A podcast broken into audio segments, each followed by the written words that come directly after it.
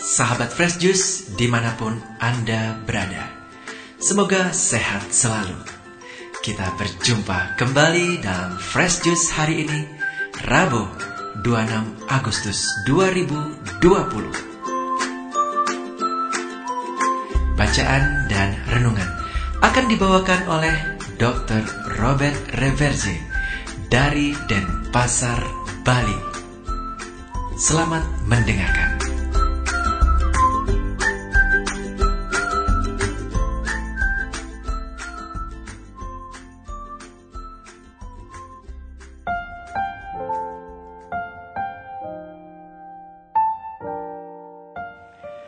Dalam nama Bapa dan Putra dan Roh Kudus.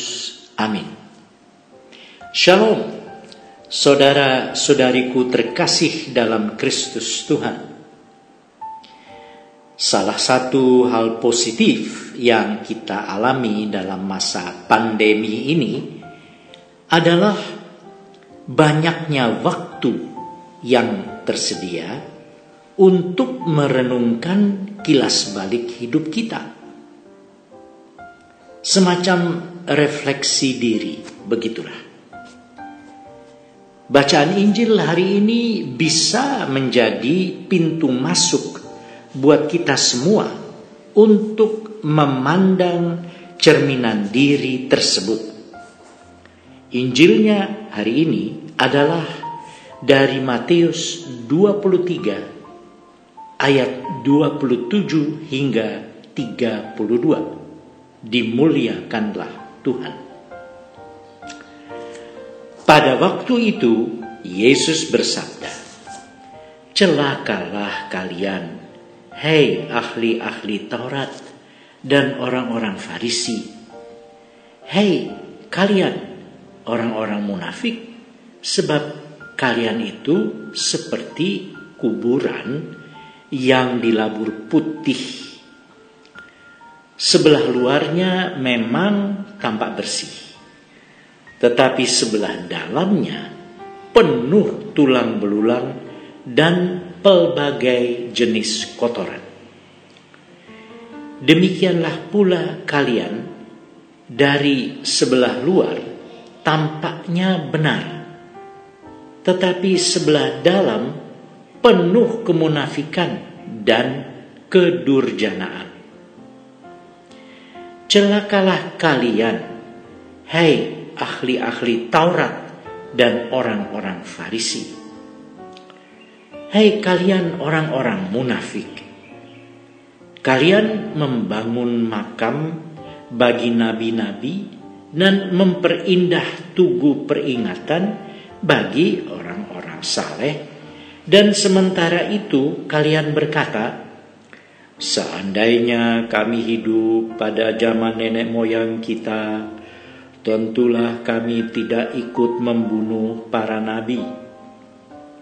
Tetapi dengan demikian, kalian bersaksi melawan dirimu sendiri bahwa kalian keturunan pembunuh nabi-nabi itu. Jadi penuhilah takaran para leluhurmu. Demikianlah Injil Tuhan. Terpujilah Kristus.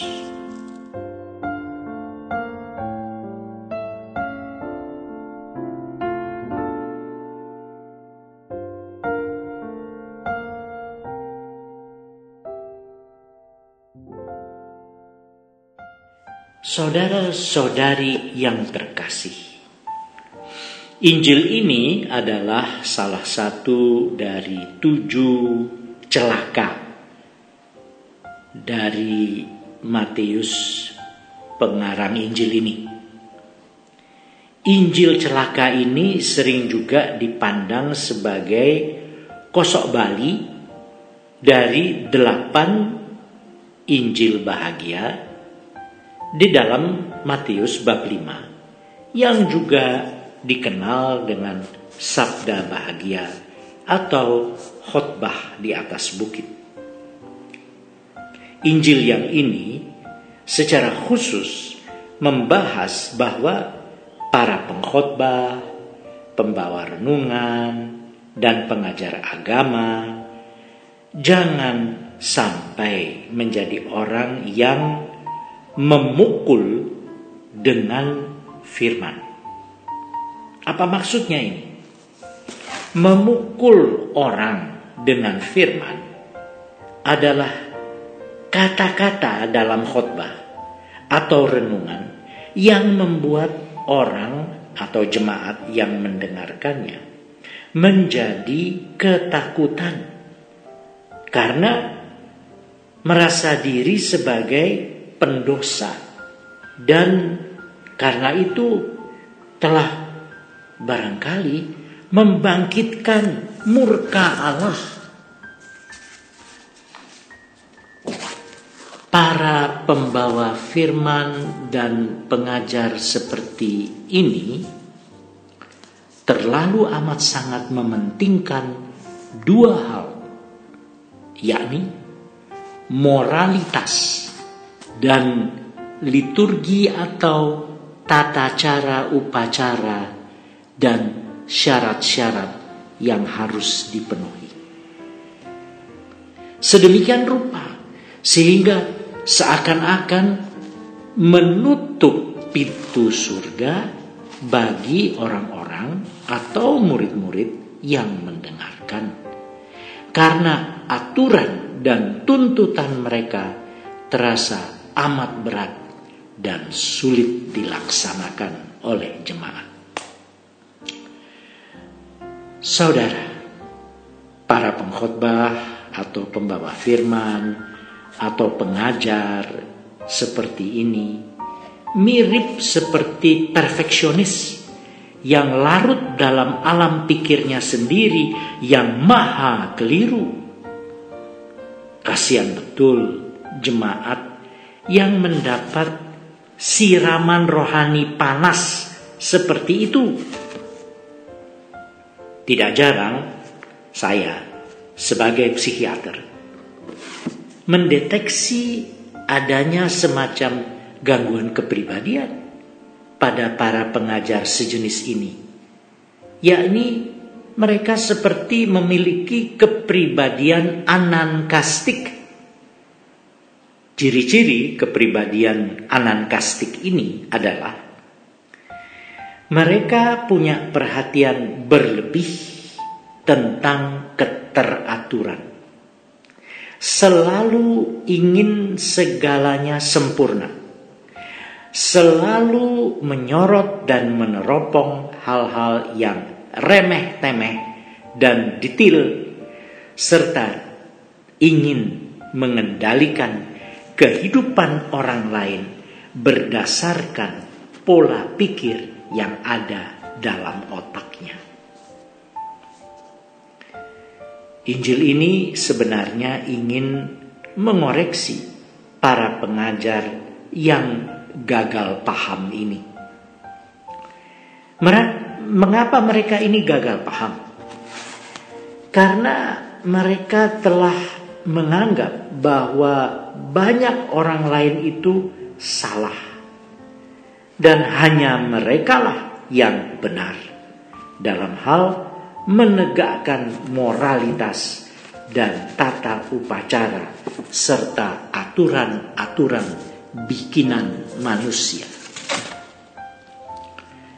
Saudara dan saudariku sesama kekasih Tuhan. Allah adalah misteri besar yang tak mungkin dikuak oleh otak-otak kerdil kita semua. Bila kita berpikir bahwa hanya kita yang mengerti akan misteri Allah ini, ada suatu bahaya yang buruk yang bisa terjadi, yakni kita lambat laun merasa diri kita patut dan layak menjadi pembela Allah dan agama. Hal inilah yang ingin Yesus koreksi dalam Injil tadi. Yesus ingin agar kita semua, baik jemaat maupun para gembala umat agar berubah. Berubah dari apa? Berubah dari keras hati menjadi lembut hati, penuh toleransi. Dari keras kepala menjadi mau mengalah. Paling tidak mengalah sementara lah sambil memberi teladan yang benar. Dari tinggi hati menjadi rendah hati dan bersedia melihat hal-hal indah dalam hati orang-orang yang tidak begitu pandai. Bersedia juga mengakui bahwa dirinya pun penuh kekurangan dan jauh dari sempurna. Mudah-mudahan bila hati kita sudah lembut, tidak agresif menghakimi sesama, cepat mau menyadari bahwa pada saat-saat tertentu kita pun sering keliru seperti orang lain maka siapa tahu Roh Kudus baru bisa menempati hati kita. Dia itulah, yakni roh pendamping kita, yang akan memberi kita hati yang lembut, penuh toleransi dan kelegaan. Kemunafikan kita pun akan sirna dan kita tidak lagi suka jaim. Kita menjadi mudah menerima orang lain, lengkap dengan kekurangannya, karena kita tidak lagi terobsesi untuk memamerkan luaran kita sebagai putih bersih. Maka, suatu mujizat akan terjadi. Orang lain akan melihat kasih Allah dalam diri kita. Kasih Allah yang bekerja dalam diri kita. Orang lain melihat bahwa kita pun berusaha untuk tidak lagi pongah dan sudah secara jujur dan polos tidak lagi mencoba untuk acting. Sepertinya kita inilah yang paling baik dan saleh takwa. Maka kita mungkin telah membuka jalan agar orang lain bisa merasakan kasih Allah. Agar orang lain bisa mencapai pintu surga melalui relasi yang setara dengan kita. Amin. Dalam nama Bapa dan Putra dan Roh Kudus. Amin. Sahabat Fresh Juice, kita baru saja mendengarkan Fresh Juice Rabu 26 Agustus 2020. Segenap tim Fresh Juice mengucapkan terima kasih kepada Dr. Robert untuk renungannya pada hari ini. Sampai berjumpa kembali dalam Fresh Juice edisi selanjutnya. Tetap semangat, jaga kesehatan, dan salam Fresh Juice.